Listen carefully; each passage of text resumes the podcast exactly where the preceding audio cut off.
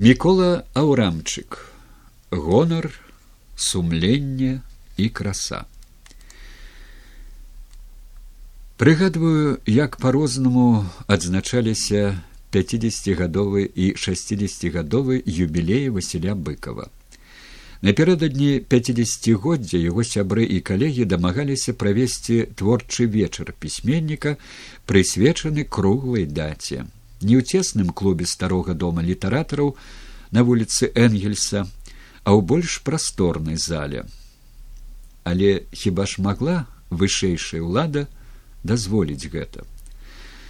Спаслаўшыся на тое што ўсе тэатры і палац культуры прафсаюзу занятыя яна прапанавала праводзіць урачыстасць у доме мастацтва побач з домам афіцэраў дзе зала не нашмат большая за пісьменніцкі клуб. Зала была перапоўнена, людзі стаялі ўздоўж сценаў і ў праходзе паміж радамі крэслаў. Бурнымі апладысментамі віталі яны з'яўленне на сцэне юбіляра. Я назіраў за тым, як авацыя прымусіла ўстаць і апладыраваць урадавых чыноўнікаў, якія прыйшлі сюды па службовым абавязку. На вечары, які вёў народны пісьменнік беларусі іван шамякін паэт геннадзь бураўкін выступіў са змястоўным цікавым дакладам пра творчасць васіля быкова. Таленавітага творцу віншавалі прадстаўнікі рэдакцыі газеты часопісаў выдавецтваў і арганізацый. Я прачытаў яшчэ не друкаваны верш таварыш маёр запасу прысвечаны васілю разгублены юбіляр сардэчна дзякаваў прысутным за тое што яны знайшлі час і прыйшлі павіншаваць яго з пяцідесятгоддзям разыходзячыся многія ў голас абураліся што высокае чынавенства не знайшло прасторнай залы для ўрачыстасці. Затое да шасцігоддзя быкова лім выйшаў з ягоным партрэтам на ўсю першую старонку У нумары былі змешчаны артыкулы пра творчасць юбіляра алеся адамовича пімена панчынкі балгарана найдана вылчава літоўца вітаўтаса бубніса шмат групавых фотаздымкаў. А на творчым вечары пісьменніка быў абвешчаны указ аб прысваенні васілю быкаву ганаровага звання героя сацыялістычнай працы дасведчаныя ў літаратурных справах чытачы ведаюць галоўную заслугу народнага пісьменніка беларусі васіля быкова ён адзін з першых празаікаў былога савецкага саюза які зусім па новаму паказаў чалавека на вайне яго паводзіны і ўчынкі ў жорсткіх непрадказальных абставінах. Гэтым тлумачыцца тое што яго творы перакладзены на шматлікія мовы і з аднолькавай цікавасцю чытаюцца людзьмі розных нацыянальнасцяў і розных узростаў. Дзякуючы Васілю быкаву упершыню такая вялікая колькасць народаў даведалася пра Беларусь і пра беларусаў. Разам з тым на працягу ўсяго два стагоддзя ніводзін з беларускіх пісьменнікаў не крытыкаваўся за ідэйныя хібы гэтак часта, і гэтак бязлітасна як василь быкаў. Смешна было як супярэчліва адносілася да яго урадавае чынавенства. З аднаго боку яго падтрымлівала суровую крытыку твору василя быкова а з другога не ведала што рабіць з імі бо яны карысталіся вялізным поспехам у чытачоў да яшчэ і вылучаліся грамадскімі арганізацыямі рэдакцыямі часопісаў і выдавецтвамі на атрыманне самых высокіх прэміяў. Немагчыма ж было замоўчваць з'яўленне ў літаратуры таленавітых твораў. Таму чынавенства вымушана было час ад часу пагаджацца з прапановамі грамадскасці і прысуджаць прэміі творам василя быкова спрабуючы гэткім чынам задобрыць праўдалюбівага пісьменніка. Назіралася парадаксальная з'ява.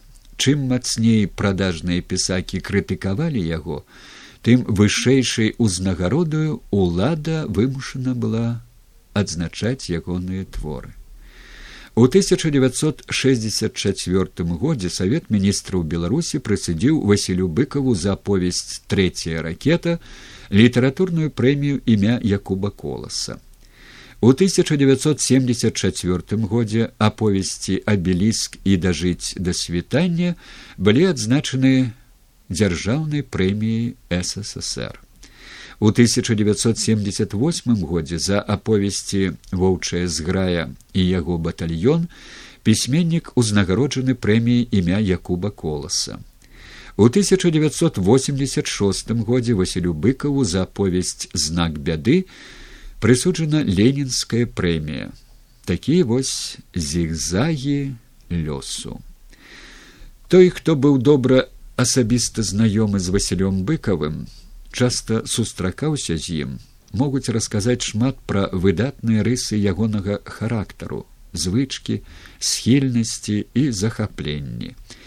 Я ведаў што паводле воінскага звання василь быкаў афіцер запасу але чамусьці мне ён уяўляўся радавым у кароткім непаросту шанеліку з вынашанай пілоткаю што з'ехала на патыліцу які падбіў са сваёй сорокапяткі нямецкі танк і не крычыць ура!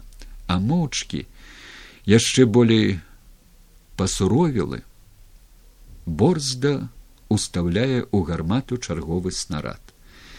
Можа такое ўяўленне ў мяне звязана з памяццю пра радавых фронтавікоў і ціхмяным засяроджана заклапочаным сур'ёзным одумам на твары васілём быкавым на пасяджэннях рэдкалегіі маладосці і ў яе рэдакцыі асабліва пасля чарговых заўваг цэнзуры адносна яго твораў. А драконаўскім нападкам цэнзару падвяргалася амаль кожная яго новая рэч. Разам з васілём быкавым мне даводзілася неаднойчы сядзець сярод удзельнікаў вайны асабліва у ялцінскім доме творчасці дзе прыгадваліся салдацкія баталіі і вайсковыя эпізоды. Васіль звычайна быў скупы на словы, уважліва слухаў іншых, сам болей маўчаў. Ці не таму пасля некаторых яго аповесцей, калі я думаў пра іх аўтара, мне чамусьці здавалася, што гэта менавіта пра яго адзін з шаноўных рускіх паэтаў перакладчыкаў сказаў: Я, писатель терпеливый, храню как музыку слова. Я научился их звучание копить в подвале и беречь. Чем продолжительнее молчание, тем удивительнее речь. Чытанне парадыю Васілём успамінаў доўгая дарога дадому надзвычай уразіла і здзівіла мяне. Колькі пакутлівых фронтавых блуканняў, якія неймаверныя цяжкасці давялося перажыць яму на вайне. Калі ў думках я ставіў сябе на ягонае месца, мне здавалася, што я не здолеў бы вытрымаць. Сам Господь збярог яго беларускаму народу і зрабіў апосталам нашай нацыі. Пра гэта я казаў у доме літаратара на прэзентацыі кнігі доўгая дарога дадому. Чытаючы кнігі прыяцеляў і калегаў часам скрозь радкі твораў як скрозь загароджу з калючага дроту у героях я пазнаю характары і паводзіны уловліваю думкі і чую любімыя выслоўі саміх аўтараў. У адрозненні ад іншых у аповесцях василя быкова перада мной не толькі паўстаюць партрэты героя або куток прыроды але я яшчэ і выразна бачу іх нібы намаляваных. Тушу адзінокія аголеныя дрэвы каляровымі фарбамі вечаровае сутонне завіруху ў заснежаным полі зялёныя вецце сосну барвяную лістоту асінаў і залацістае лісцё бярозаў такое ўспрыняцце мною апісанага ім напэўна ад таго што я ведаю як жорстка лёс адарваў васіля юнака ад любімых заняткаў жывапісам і скульптурай і кінуў у вогненую крутаверць несусветнай калатнечы. З васілём быкавым мяне зблізіла не толькі членства адной рэдкалегіі і пастаянныя сустрэчы ў рэдакцыі маладосць, у якім працяглы час друкаваліся ўсе ягоныя творы, але і аднолькавая бяда астма. Мы абодва насілі ў кішэні інгалятары, з якімі ніколі не разлучаліся. І таму час ад часу абмяркоўвалі між сабою іх якасці, ды раілі адзін аднаму, якімі карыстацца лепей. У газеце я вычытаў параду аднаго астматыка, як з трохлітровага слоіка, напоўненага буйной соллю і з працівагазнай коробкі з гафрыраваным і гумавым шлангамі самому змайстраваць просты інгалятар. І зрабіў яго. Штодня раніцою і ўвечары перад сном у добра праветраным пакоі я на працягу восьмі девяти хвілінаў дыхаў праз яго і мне станавілася лепей василь прыходзіў да мяне дадому уважліва аглядаў гэтую прымітыўную прыладу і таксама змайстраваў сабе такую ж, але потым скардзіўся, што яна яму не дапамагае.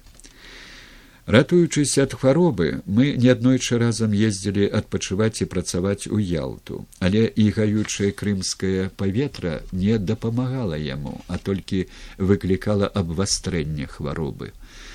Таму ён перастаў туды ездзіць. А я, знаходзячыся на пенсіі, штогод з восені да вясны ўцякаў у Крым, бо там адчуваў сябе зусім някепска, асабліва ў гарах. Сустракаючыся Васіль паблажліва пацвельваў. Усё яшчэ ездзіш у Крым, глядзі, каб не даездзіўся, як я. Я спачуваў яму. Мне было шкада, што прыморскі рай, не выратоўвае ад бяды таварыша па няшчасці. Аднойчы напярэдадні чарговага з'езду беларускіх пісьменнікаў наше кіраўніцтва даручыла мне сустракаць і суправаджаць дэлегацыю эстонскіх літаратараў. Я нават пакрыўдзіўся, бо не быў знаёмы ні з адным эстонскім пісьменнікам. Як я пазнаю сярод процьмы людзей, которые з іх эстонцы, ну вось і пазнаёмішся жартаваў адзін з кіраўнікоў. Язык кіева дапытаецца але дарэмна я хваляваўся выручыў василь быкаў які ўвечары патэлефанаваў мне дадому. Мікола ты сустракаеш гасцей з эстоніі? Я а что хачу далучыцца да цябе калі ласка узрадаваўся я. Можа ты знаёмы з тымі хто прыязджае бо я іх не ведаю. Трохі знаёмы супакою ён мяне. Заўтра разбярэмся. Гасцямі нашага з'езду былі вядомыя эстонскія пісьменнікі муж і жонка владимир евгенович і эме артураўна бэкманы з якімі василь мяне і пазнаёміў. Мы уладкавалі іх у гатэль і суправаджалі на з'ездзе. Яны гасцявалі ў мяне дома. Пазней маё знаёмства з імі набыло прыяцельскія адносіны. Аказалася што мы з владимиром бекманам былі удзельнікамі адной з пасляваенных усесаюзных нарадаў маладых пісьменнікаў у москве абое высылалі мне свае новыя кнігі. Я пераклаў на беларускую мову некаторыя вершы эстонскага калегі. Сустракаўся з імі ў таліне дзе прадстаўляў маладосць на нарадзе юнацкіх часопісаў беларусі украіны і прыбалтыкі. І быў госцем ад нашай арганізацыі на з'ездзе пісьменнікаў эстоніі. У елцінскім доме творчасці василь таксама пазнаёміў мяне з некаторымі блізкімі яму пісьменнікамі братніх літаратур. Я здзіўляўся як непрыкметна некаторыя з гэтых знаёмстваў перарасталі ў шчырыя сяброўскія адносіны спачатку думаў што прычынаю гэтаму лёгкая рука васіля але адзін з новых знаёмых вядомы рускі празаік владимир цендракоў прызнаўся што василь папярэдзіў яго што са мною ён можа паводзіць сябе так як з ім. Гэта кранула да слёз. У нязвычных абставінах василь запомніўся мне непрадказальным а ў смешнаватых то спачувальна лагодным то наінавата здзіўленым. Аднойчы, калі ён ляжаў у бальніцы, я наведаў яго. пасядзеў побач з яго ложкам хвіліны чатыры і раптам у палату ўваходзіць алесь адамович толькі ён прысеў як васіль выняў з тумбачкі плоскую як кніга бляшаную біклашку ды кажа давайте былыя партызаны фронтавікі вып'ем за тое каб мы меней хварэлі наліў па кроплі каньяку і мы сімвалічна выпілі я здзівіўся што і алесь не сказаўшы ні слова таксама асушыў наліты на дон са шклянкі каньяк ды да пытаюся. Хіба ўжо і ты п'еш я ведаў што мой зямляк ніколі не браў у рот спиртнога оказывается у алесе было прабадзенне язвы. Урачы ледзьве адхайлі яго ў рэанімацыі. А я жывучы ў крыме не чуў пра гэта. Помню як у невялікім застолі василь пазнаёміў мяне з генералам які сядзеў паміж намі. Кожны раз падымаючы кілішак я а вяртаўся да новага знаёмца то са словамі таварыш генерал за ваше здароўе то прызнаваўся яму таварыш генерал як я рад што маю магчымасць падняць кілішык з вами василь напэўна думаў што я забыўся імя і імя па бацьку суседа. І павучальна лагодна падказаў мне мікола і называў як велічаць генералам а мне былому гвардыі радавому просто ніколі не даводзілася браць чарку з генераламі. Таму у мяне не паварочваўся язык звяртацца да генерала па імю і імю па бацьку. Мне здавалася такое панібратства як прыгадваю гэта цяпер дык мне няёмка. Або іншае.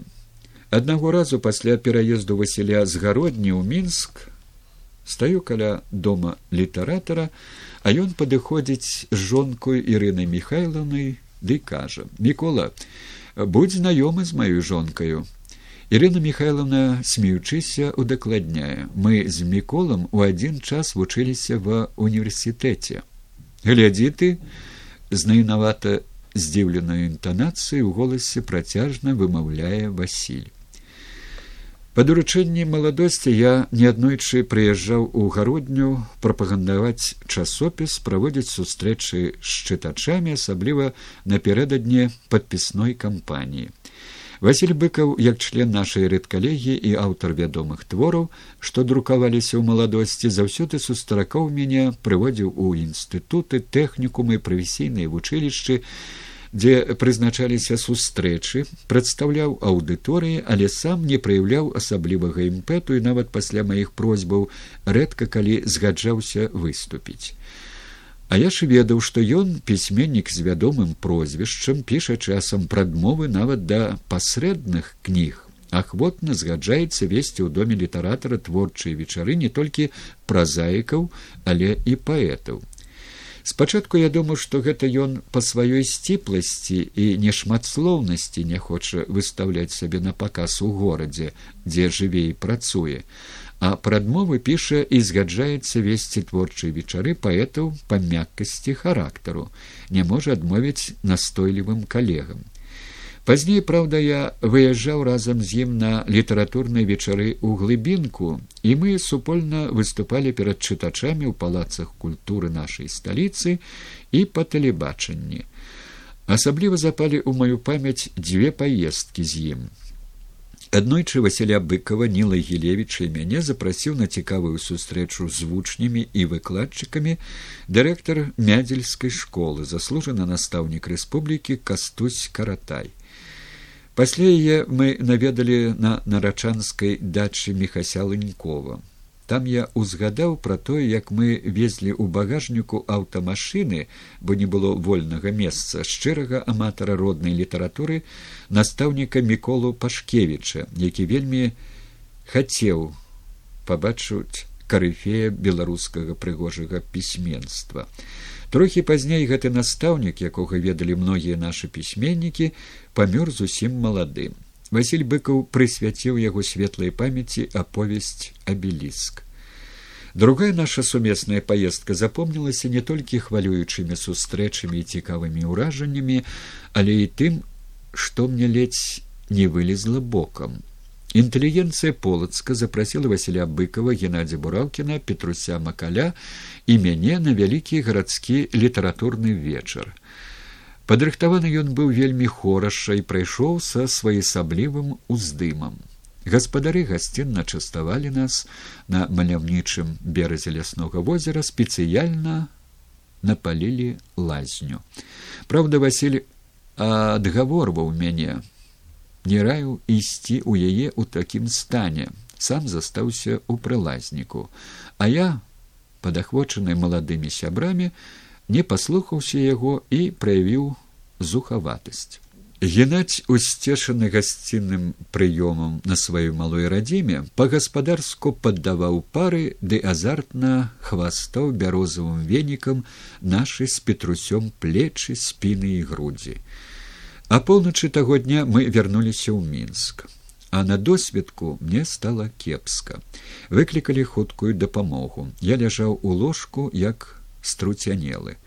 На шыі не паварочвалася галава, не разгіналіся ні руки, ні ногі.